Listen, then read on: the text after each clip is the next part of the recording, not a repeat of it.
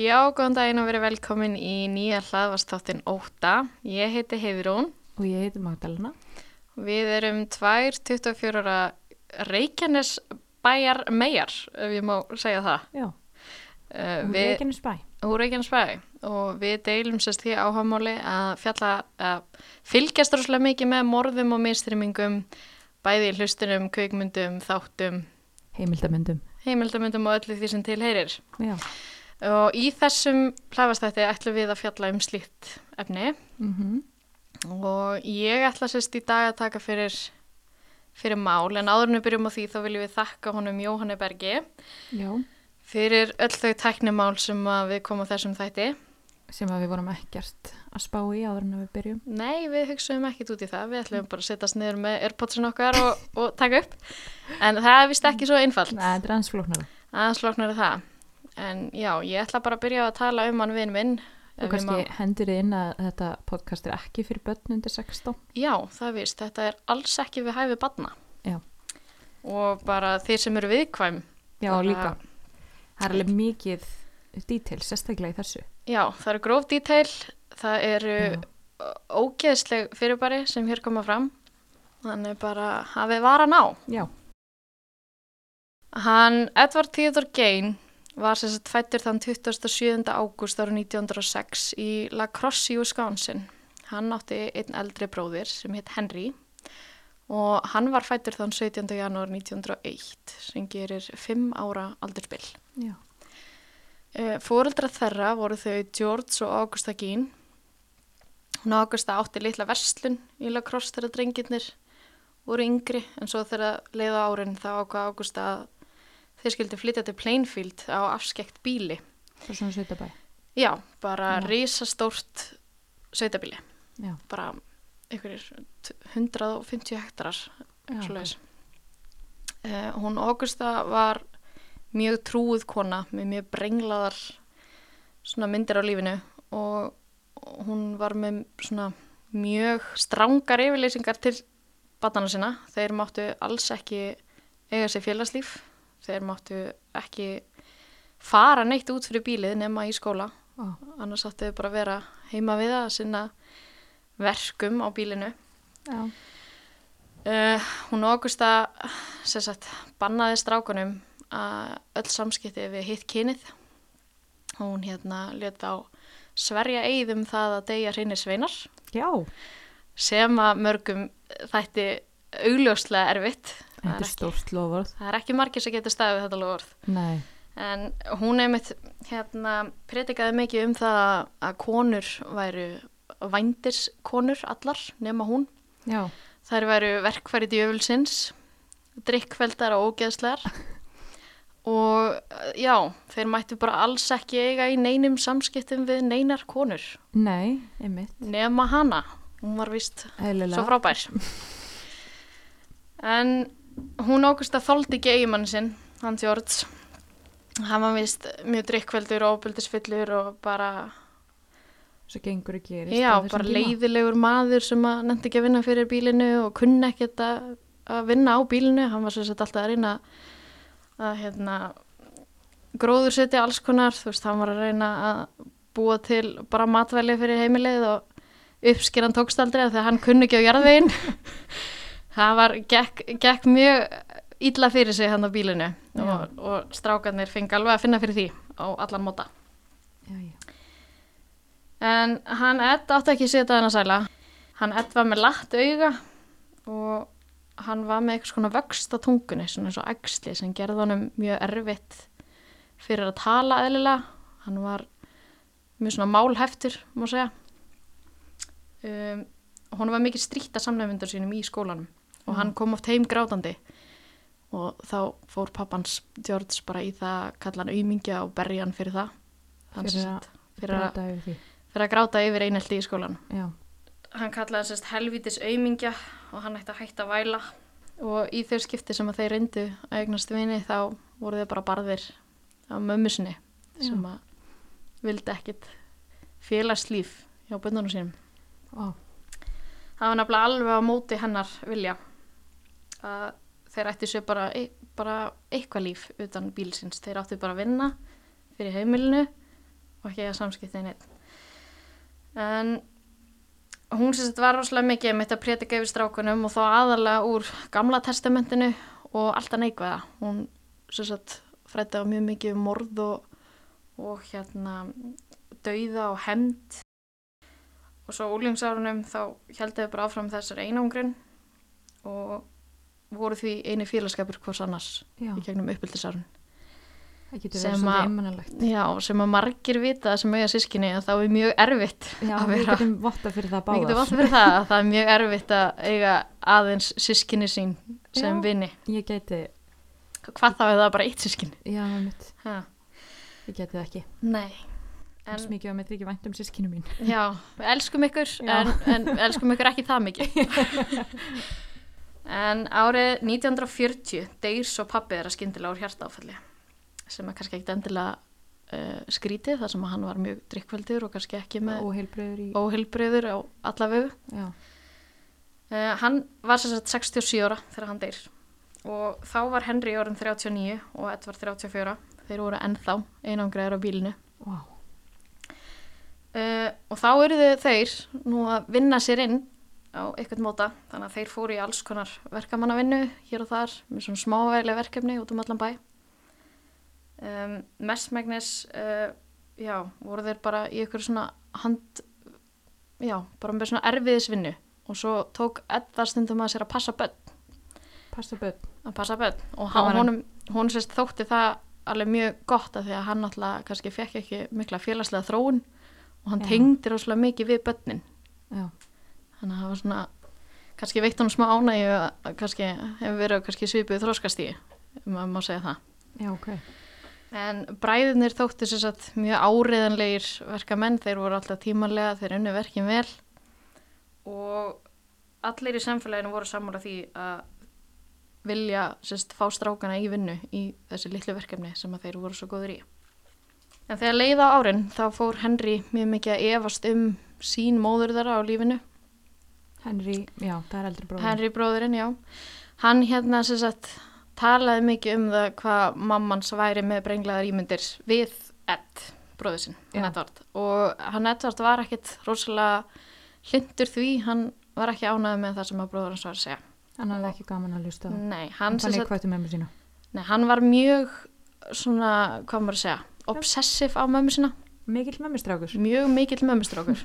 Óheilbriðislega mikið. Já, En hann Henry hafði mitt mikla áhyggjur af þar áhyggju Eds á águstu með meðra og fjórum árum eftir andlatsföðu þeirra, þann 16. mæ 1944, þá voru þeir bræður sérst að brenna niður afskorna runna sem þeir voru búin að safna saman. Þeir voru sérst búin að vera að skera af trjám, já, henduði saman í hérna, svona hól og brendu það niður. Ok. Og þá gerðist það óhappa, eldurinn komst út fyrir og hann byrjaði að dreifa sér. Og bræðinir ákveðu þá í sammenningu að reyna að slökka eldana og fóru í sikkur áttuna í það verkefni. Þannig að leiða nóttina þá segir Ed frá því að hann hafi bara týnt sjónar af bróðið sinnum, hann korki heyrði nýja sá til hans og þegar hann var búin að ná tökum á eldanum þá sagt, fer hann til lögreglunar og uh, Ed sagt, til lögreglunar um morgunin þegar að eldunum eða þegar hann hafi náð tökum á eldunum. Uh, og hann sagði að bróðið sem hafi bara hennilega horfið. Um, en þegar leit var hafið af honum Henry uh, þá lappaði Ed fyrstur manna að líki bróðið sinns og það var náttúrulega svolítið skrítið þar sem að Ed sagðist ekki að hafa vita hver hann væri. Já, það er mjög sérstakt. og hann sagðist hafa leitað og hafa ekki fundið hann og þegar lögreglan leiti kring og, og svona fór hans að skoða vettfangin þá tókuður eftir því að grasið sem var í kringum hann hafði ekki lent undir eldunum. Og hann var með þess að marbletti á höfði og Hann var hálsi. ekki með brunasára eða? hann var ekki brunninn Nei, það var einungis þessi marblettir á höfði. En já, það, þeir töldu það ekki sagnæmt að hérna sem sagt döðdagi hans hafi verið sagnæmur og krupningalæknin skráði döða niður sem köpnun þá sennilega út af reik já. En það var náttúrulega á þessum tíma ekki kannski mikið hægt að skoða nei þetta gerist náttúrulega líkið. 1944 Já. kannski tæknin ekki ekki að mikið með okkur eins og í dag Nei. En Henry var 43 ára þegar hann lést og sumir í löggunni mitt grunuð Ed en ekki nægilega til þess að rannsaka mála eitthvað frekar. Þá voru bara tveir eftir á bílinu. Það voru Ed og Ágústa, mammans, sem að hann hafði svo mikið dálæt af. Já.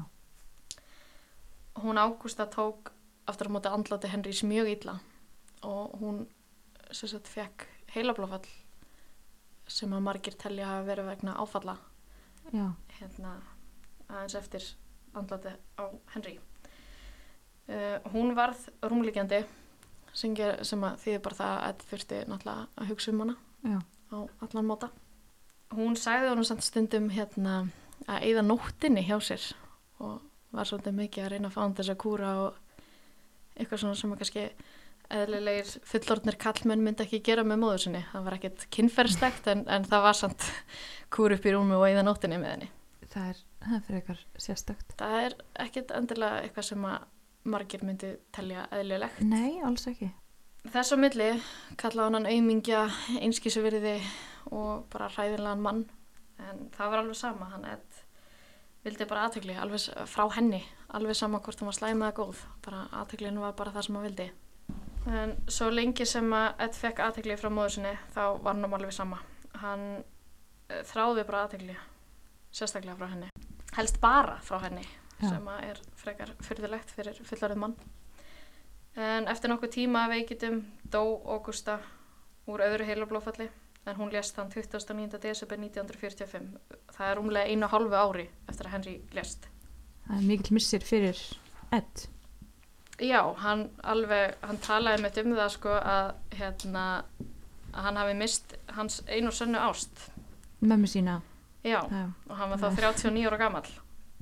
Sína einu sönnu ást. Já, og sinn eina vinn. Hann var algjörlega einn í heiminum, sagðan. Uh, hann lokaði öllum rýmum húsins sem hún hafði sagt, verið að nota. Hann lokaði fyrir sagt, herbyggi móður sinnar, hann eh, sagt, bara tók bara eitthvað skona spýtur og bara neldi fyrir og hann bara fór ekki aftur inn í þessi rými. Hann svaf í litlu rými við hliðan á eldursinu. Já. Hann var bara þar, hann fór ekkert inn í hinn herbyggin sem hann hafði lokað. Það notaði bara ekki túsi lengur. Nei, hann sérst lokaði báðum setustöfum húsins, það var sérst eitt á neðri og annað á efri, hann lokaði Já. þeim. Hann lokaði sérnörbyggi móður sinnar, þannig að hann var bara í sérst þessu herbyggi og svo í bara svona almennum rýmum húsins, en alls Já. ekki setustofun og alls ekki herbyggi mó- móður sinnar. Uh, hann byrjaði að hafa mikinn áhuga á djöfladýrkenda tímaritum. Djöfla dyrkenda tímaritum. Já, hann sérst Er. Þetta er mjög, þetta er mjög langt og flóki orð Já. en þetta eru sem sagt tímarit þar sem að fólk er sem sagt bara að dýrka allt sem við kemur djöflinum Já. og hann var mikið í því, hann var líka rosalega mikið að skoða tímarit um dauðan Já. hann var mikið í klámblöðunum Já, maður er mikið náttúrulega ekki fengið action, bara allt sitt líf. Nei, hann var hreitt þannig Já. 39 ára gamall uh, hann var líka svolítið mikið að skoða líffræð, uh, svona líffæra fræðibækur. Já. hann var sem sagt, já. Og hann var líka svolítið mikið að skoða hryllingskaldsögur uh, og nasistabækur. Já. hann hafði alveg gríðarlega mikið áhuga á allt sem við kom nasistónum uh, hann þurfti nú líka að vinna fyrir sér þar sem hann var einn síns liðs og hann einmitt hjælt áfram í þessum litlu verkefnum hér og þar út um allan bæ fór samt aldrei langt út fyrir, út fyrir heimili sitt, þetta var bara aðlega í hverfinu Já. um, og hann var líka ennþá svolítið að passa bönn hann sem sagt þessi fáu skipti sem hann fór út fyrir bílið sitt eða þetta afskiptasvæði í kring þá Mm. fór hann á pöppin í Pinegrove og var þar að hrella fólk með sagt, umræður um bækurnar og lesumnið sem hann var að lesa Já. þess að djöflættir geta bækur og nasistana og allt þetta skemmtilega uh, en Peppa nátti konarafni í hókan uh, en hún hvarf sporlaust í desember ár 1954 þann 16. november 1957 hvarf svo eigandi verkfæraverslunar í Plainfield kona að nafni Bernice Warden 58 ára var hún og sonrennar Bernice, hann Frank Warden mætti snemma morgun 17. november í verslunina og fannst í fyrstu aðkoman vera var- búðin var opinn en mammans var hvergi sjáanleg. Já. Um, í, í kassanum var sagt kvittun upp á fjóra lítra eða one gallon Mm. af antifrís sem er bara frostlegur og það var tillað að geim Já. uh, þá fer Frank og næri laurugluna sem fannst sönnagögnu nægileg til þess að gera heimilslit heima hjá vett Fannst mammans, Frank? Og hún er ekki enn fundin þarna allavega. Það var ekki búið að finna hana hana í versluninni. Hún var sagt horfin þaðan. Sonur hennar, hann Frank hann fylgdi með í leitina í fyrstu byggingu bílisins það sem þeir leitiðu uh, sem var í rauninu svona sumar eldús þetta er sagt aðstæða sem þú notar á sumrin þegar það er of heitt. Já. þá erstu ekki að elda inn í þér. Þetta er í svona litlum svona, þetta er svona sett eða svona kofi í rauninni. Já. samt alveg með hátt til lofts Ok. Þú veist, og þetta var eldunar aðstafa á sömrin um, og þegar þeir fóru þarna inn þá fyndi þeir eitt af vestar sem ættu nokkuð tíman eftir að sjá. Þeir fyndi þar Hanna Börnís en alls ekki í því ástandi sem þeir hefði viljað finna hana. Hún var sem sagt hjekk í loftinu á kvolfi með hendurnar bundnar með fram síðum hjekk sem sagt á fótunum og það var búið að skera hana frá hérna bringu og alveg niður að bara móðurlífi eða þú veist á neðri maga. Já. þannig að inneflin lágu út. Og það var búið að skera af henni höfuðið. Og höfuðið var þarna hvergi sjáanlegt. Jesus. og sonur hennar, hann Frank, hann lappaði fyrstur manna inn á þetta. Sá mömmu sinna þarna á kvolfi Það er svakalegt. það er held að enginn myndi vilja sérstaklega ekki börn vilja sjá fóröldar sinna í þessu ástandi Nei. þeir fóru sér satt í önnur hús bílisins og fóru að leita að önnur, öðrum sönnunargögnum um einhvers konar mistyrimingar eða slíkt Já. en henni var sér satt slátrað eins og bara dýri henni var slátrað bara eins og hún væri bara eh, einhver bara elgur eða eitthvað. Það var bara þannig, þetta var bara sér í sláturhúsi bara eins og í vesta sláturhúsi. Það var allt í blóði, inniblinn lágu þetta niður. Og þeir fara sér satt þarna í önnur hús og fara að leita. Og þeir þurfti ekki að leita lengi af því þeir fundu þarna fjögur mennsk nef mannsbein nýju grímur búin til úr mennsku skinni höfuleðri tíu kvenkins höfuð með afskorna höfukúpu Oh nokkra bólstraða stóla með mennsku skinni skálar búnur til úr hauskúpum höfuð Bernice Warden með manns Frank í kartöflupoka Já. nýju kvenkins kinnfæri í skókassa Wow. skulum, skulum heyra þetta aftur nýju píkur í skókassa Það er ekki fyndi. En það er rosalega skríti. en þetta er alveg sick and twisted er mjög, já, mjög twisted. Eh, Það voru sérst þurrkuð höfuð við rungabl eds og þurrkuð höfuð þetta er í mörgum menningaheimir svona shrunken heads en þetta var alls ekki algengt þarna á þessu svæði á þessum tíma. Eh, Það voru líffæri í ískapnum, það voru varir, saumaðar og gardínustangir, henni gamla daga það voru svona stangir sem að voru við enda gluggatjaldana til að draga frá og fyrir Já. og þar voru sagt búið að sauma varir, mennskar varir. En uh, það fannst líka belti búið til úr gervörstum hvenna. Saumaði saman gervörstir og svo bara hann að belti, hann að belti stikkið sem hún festir. Oh. Og það var hann að lampaskermur sem var búin til úr höfuðleðri þar á meðal andliti og Oj. svo fannst höfuð meður í hókan. Það var konan sem hvarf Fyrst eða ekki. Jú, af barnum í Pænegróf. Uh, já, hún hvarf það uh, í desember 1954. Uh, þessum sennunugögnum var svo komið fyrir á rannsóknastofi, þau voru mynduð og svo var þeim bara fargað, bara eins og bara mennskum líffærum og fleiru er fargað bara á spítilum. Þetta var bara, það var ekki hendi rusli þessu var bara fargað almennilega.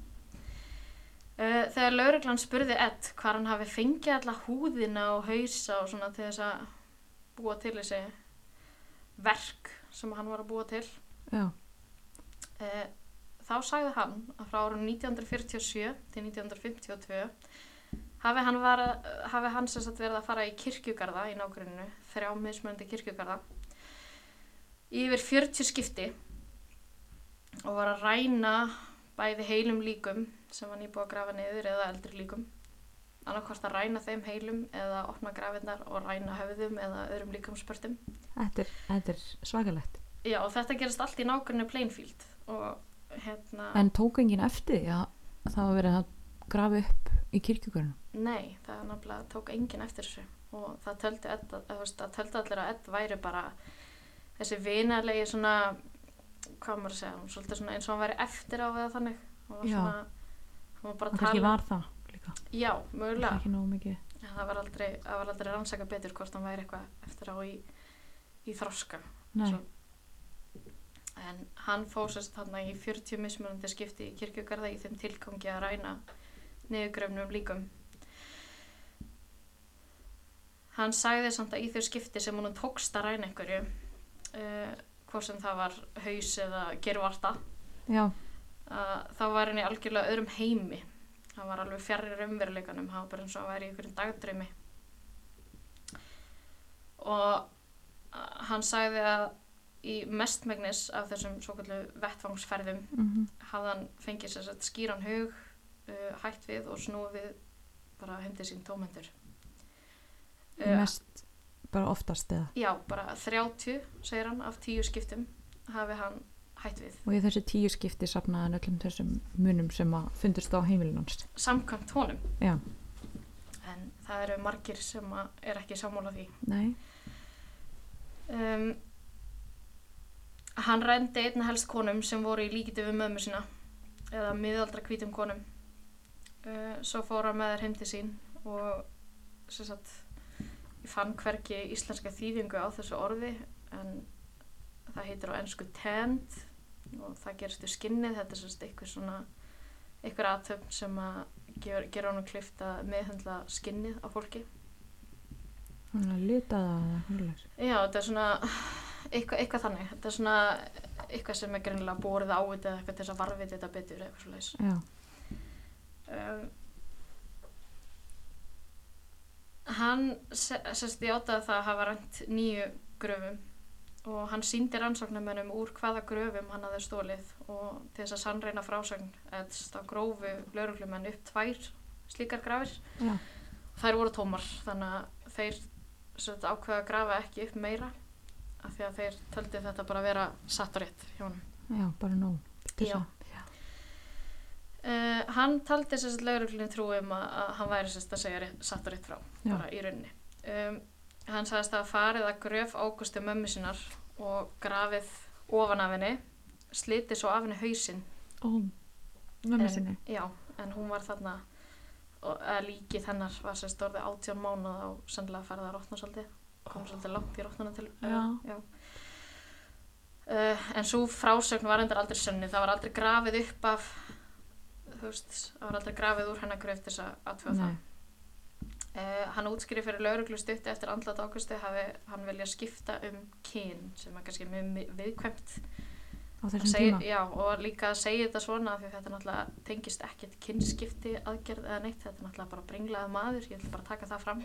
Þetta er allt hans frásögn sem ég er að fara að segja. Já, um, hann, já, vildi sérst skipta um kyn og byrjaði í kjölfæri að ræna líkamslutum hvenna til þess að sauma sér sérst samfesting úr skinni vá, og til þess að reyna að uppfylla þann draum sem að um þessa kynskipti sérst fantasíu hjá honum. Já, En Ed segist aldrei samt hafa misnotað líkin kynferðislega og hann sagði að það væri að því að það var svo vond lykt af þeim. Sem er kannski eðlilegt það sem að hann var að ræna rótnandi líkum já, úr kirkjögarum. já, En hann sem sagt játaði á meðan að barsmiðum stóð að hafa orðið Mary Hogan að bana. Og Mary var, það var sérst lauruglumæður sem að barðan hann, barði Já. játningar úr honum sem að var talið mjög svona slæmt og það voru margir sem að vildi meina að hann hafi ekki orðið hann að bana en ég meina höfuðið á henni fannst heima hjá honum. já, fannst, fannst bara höfuð hennar, var ekkert annað Nei, það var bara hausin á henni. og er ekki búið að finna, Nei, það var aldrei, það var aldrei fundið restin en það var náttúrulega voru erfitt að bera kennsla á Já, allt skinnið og allt þetta sem að var já, og svo var náttúrulega mismunandi bein þetta er náttúrulega fyrir tíma DNA og allt svo já, les akkurat, En hann sérst þjóttar að hafa orðið meir í hókana bana. Hún var 51 árs barægandi í Pine Grove. En Ed hafði einmitt verið á barnum að segja frá öllu skemmtilega lesefninu sínu uh, þann 8. desember 1954.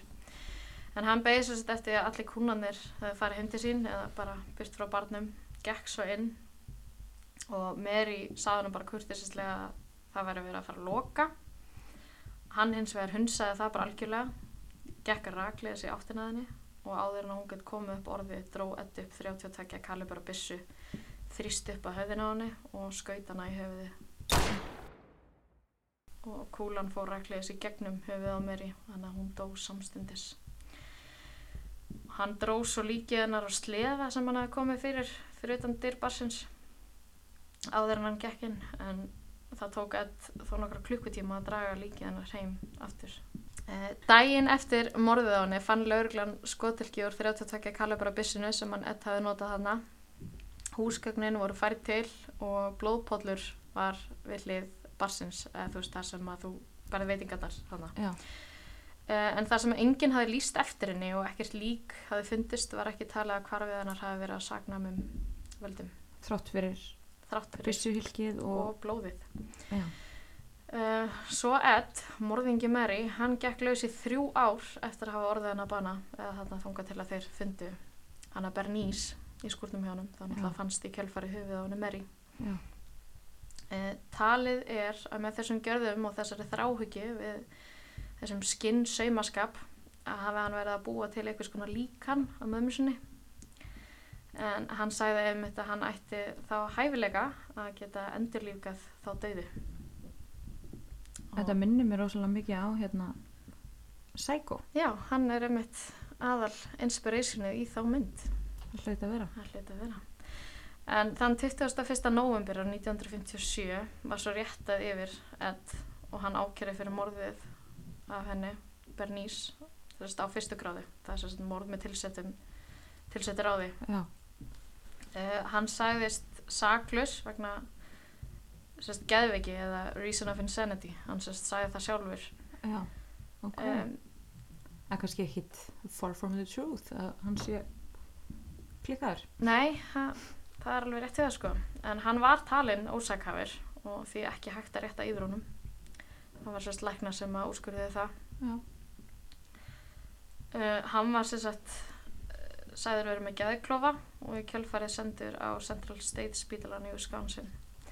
Hann var svo setna mér ferðir á Mendate hosp uh, State Hospital sem er bara State Spítalinn í Mendate. Uh, það sést í Madison, Wisconsin.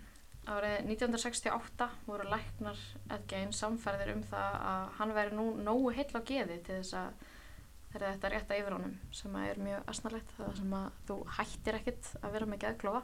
Nei, þú ert bara með geðklofa eða ekki. Já, en þann 14. november 1968 byrjuðu þau réttarhöld sem stóði yfir í eina viku. En hann var dæmdur sem sagt segur en hann var náttúrulega ennþá með geðklofa og var því ákveðið að hann myndi eða restinni af lífi sínu á geðsjúkrahúsi ok en Ed Gein lest svo 27. júli árið 1984 78 ára aldri úr hjartabilun vegna krabbamenns já, þannig að hann var ekki já, hann lifði bara hann á þessum spítala já, hann bara var þarna hann flakkaði milli tvekja spítala hann og hann Um, lest bara Já, hann lesi þess að í Mendota geðspítalanum í Gullend. Uh, Grafriður hans í Plainfield hefur í gegnum ári verið skemmtur smátt og smátt yfir árin. Uh, fólk, leggstinn stinnir hans það já, já, bara grafriðurinn og leggstættin, þetta bara, bara, var bara endalust verið að höggva sérst úr þessu.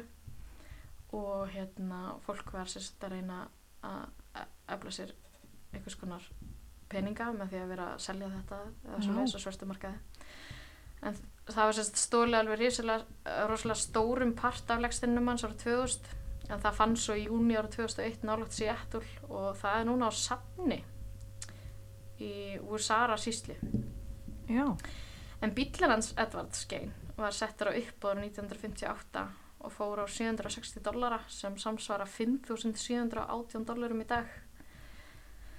það Eh, er rosa peningur. það er rosalega peningur og það var hann Bunny Gibbons sem var eigandi svona karnivals já, sem að kefti bílinn og rukkaði fólk til þess að fá að sjá hann. Og hann sagt kom fyrir gínu í framseti bílsins sem að átti að vera Ed og svo annari gínu á palli bílsins sem að átti að vera sem sagt lík sem að hann hefði verið að ræna á að það var bara verið að græða peninga á, á edd. Já, í rauninni sko. Það, hann var bara hann að rukka fólk og það varð rosalega mikill múasingur yfir þessu Já, sem að að verkum að hann hætti með þetta. Ok. En. Já, en svo hafa verið marga bíómyndir sem að eru svona tilengaðar honum eða svona byggðar á honum. Hafa til dæmis Psycho og The Texas Chainsaw Massacre The Silence of the Lambs líka. Uh, Deranged og fleiri kvikmyndir. Um, en húsið hans brann til kaldra kóla árið 1958 það var hann í fyrra skipti sem að hann satt á hann að geðspítalunum Já. Og þegar hún var sagt það þá bara yfti hann öxlum og sagði bara oh well. Það er bara eins og hann væri bara alveg sama þrátt fyrir að þetta hefði verið heimilið móður hans sem að hann dýrkaði svona rosalega mikið. Æsku heimili. já og talið er að um íkveikju hafi verið að ræða en það fannst aldrei neitt sökudólgur en stæðsta kenningin er svo að bæjabúar hefði komið hendur saman og brent húsið í sammenningu bara líkuðu bara mætt þarna með torts og, og kúleit og bara herðu brennum húsið hans sett Já, Það ég hef bara- gert það líka. Sko. Já, þetta var bara eiginlega bara, að margir telja að þetta hafi bara verið bara svona eins og festival bara fyrir bæin að granda þessu húsi, sko. Ég veist ekki skrítið. Nei, en það er alveg talið að þetta hefur orðið fleirum að bana, bróður hans Henry til dæmis, um, sem að dó hérna, Kapnaði þarna. já, og svo voru tveir veiðimenn sem að hurfi ára 1951 og það eina sem fannst að þeim var hérna ein úlpa, uh, hundurinn sem að þeir voru með í, í, í þessari veiðiferð Já. og það var einn sem fannst bílinn þeirra hvarf og þeir tveir hurfi Og þetta voru menn. þetta voru tveir fullorðnir menn sem að kannski passa ekki alveg inn í prófælinn hans Nei. en það eru samt margir sem halda að þetta hafi verið hann en það var ekki eina fólki sem að hann var talin hafa dreifið eða sem sagt láta hverfa en hann sem sagt sagðist vita hvar sem sagt þessi, þessir menn væri hann sagði að nágrann hans hafi dreifið á og hann getur sagt lauruglunni hvar líkin væri niður komin Nágranninn hans. já Þá var hann eitthvað, Nei, hann bara, heyrði nágrannu minn, hann, hérna, hann gerði þetta. Ég get alveg sagt ykkur sko hvar líkin eru, sko. já, einmitt. Og löggan bara, sem ég finnst mjög skrítið, sagði bara, nei, nei, við erum ekkert að því. Þú veist ekkert að sína okkur hvar þessi lík eru. Sem er mjög, mjög er sérstakt, sko. Já. En það Það var að veit enginn í dag. Nei, það? hefur aldrei, aldrei komist að bóts í því máli. Svo var önnur 8 ára stúlka sem hvarf og svo önnur 15 ára sem ég fann ekki nöfnin af sem ég finnst mjög leiðilegt af því að ég hefði viljað finna nöfnin og geta sagt þau hérna upp átt. Mm. En sérst, margir vilja meina að þetta hafi eitthvað með hvarfið á þeim að gera. Og En það þetta náttúrulega- ekki. Nei, en þetta náttúrulega enginn af þessu, þessu fólki sérst, passar í þessa típu sem hann Nei, hafði og það var náttúrulega Miðaldra hvítar konur. Já, en svo var það hann Art Slay, hann var sérst lauruglumadur sem að hérna, sem að barðan hana, barði játninguna Já. úr honum. Hann sérst hérna uh, lést úr hjartaáfalli árið 1968, 43 ára gamall og það var aðeins mánuði eftir réttarheldur hans- hans Eds og hann Art sagt bar vitni í málinu hans og það vilja margir meina að hann hafi bara orðið fyrir það miklu áfalli eftir vitnisspurðin og hryllingin sem hann þurfti að hlusta á Já. meðan á málinu stóð að það hafi orðið orðum að bana Það er Og- bara mannskemmandi okkur að vera.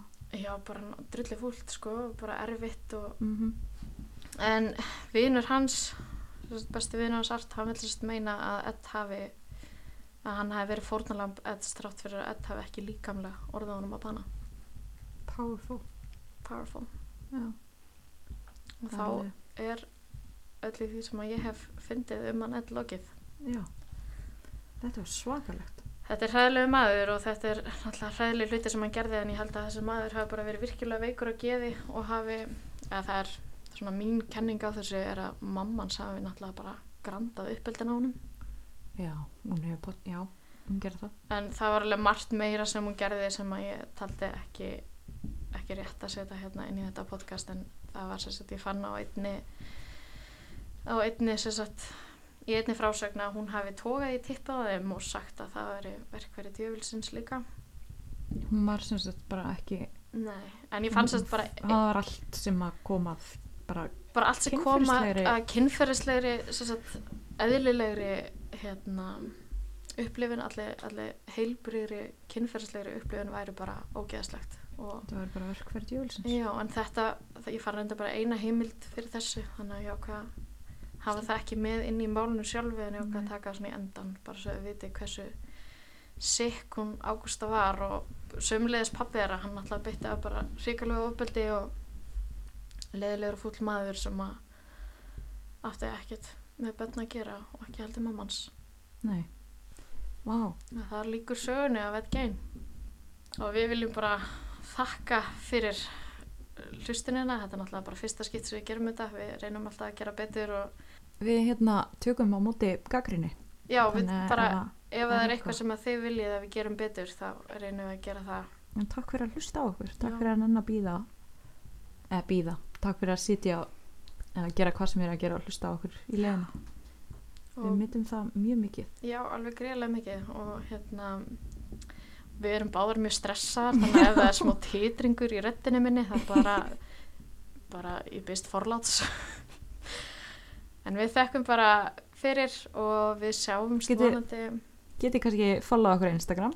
Já, við ætlum sérst við erum sérst að í þessum tölu orðum að fara í gegnum það að búa til Instagram aðgang fyrir þetta podcast. Það er ekki enn sem komið, við erum að taka upp á mánudegi þáttur hann að koma út á fimmtudegi. Já, við erum svolítið seint í þessu. En en það verður vonandi komið áður en að, áður en að þátturinn er publisaður. Instagram reikningurinn okkar verður þá ótti podcast Já, eða ótti hlaðvarp, það er ennþá smá mikið debate að- um það. já, við erum að hérna svolítið að rífast um það sko Já, ég er náttúrulega vil hafa þetta svolítið ísklænst. ég er náttúrulega podcast þú veist, hlaðvarp ég þurfti að segja hlaðvarp til þess að útskýra þetta fyrir 66 ára gömlu pappa mínum sko Já, hvað er þetta? en ég minna, Hm. Eflum íslenska tungu, það er íslenska tungu í dag Já, ha? 16. november, Er það ekki bara tilvalið að láta þetta heita ótti hlaðvarp? ætlaði ekki En við þekkum fyrir okkur, sæla sinni.